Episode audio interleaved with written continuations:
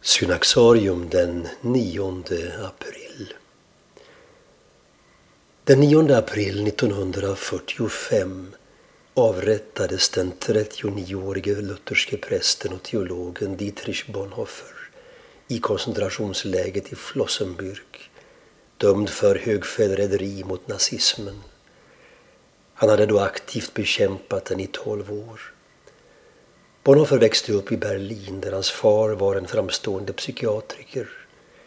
Till en början förväntade sig föräldrarna att han skulle gå i faderns fotspår men han kände tidigt kallelsen att bli pastor. Han fick sin teologiska skolning i Tübingen och senare i Berlin där han doktorerade redan vid 21 års ålder. I reaktion mot den liberala teologin skrev han under 1930-talet två böcker som sammanfattar hans teologi och vision av evangeliet. Den ena var Efterföljelse, en utläggning av Jesu bergspredikan som var en skarp uppgörelse med en alltför ytlig kristendom. Den andra boken var Liv i gemenskap om hur kristna bör leva, arbeta, studera och be tillsammans. Båda dessa böcker har getts ut i otaliga upplagor på många språk och är fortfarande lika utmanande och angelägna.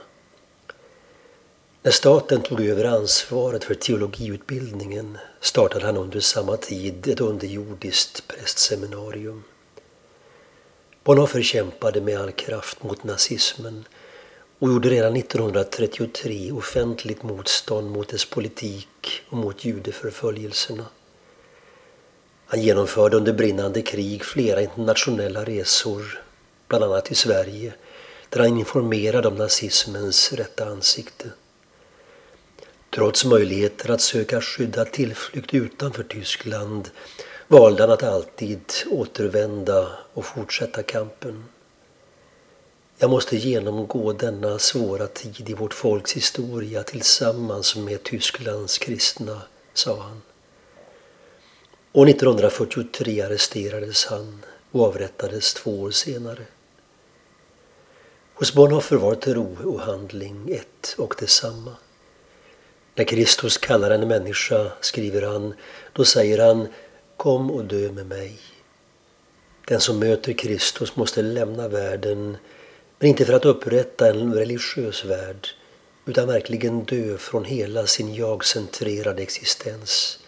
Det bästa såväl som det sämsta i den. Så att Kristus får leva sitt liv i och genom den människan.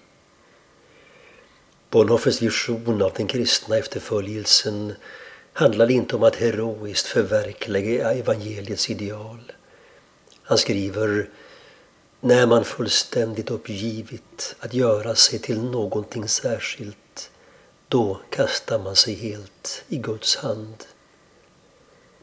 Som en av 1900-talets martyrer är Dietrich Bonhoeffer en påminnelse om att vi även idag måste vara redo att ge våra liv för vår tro.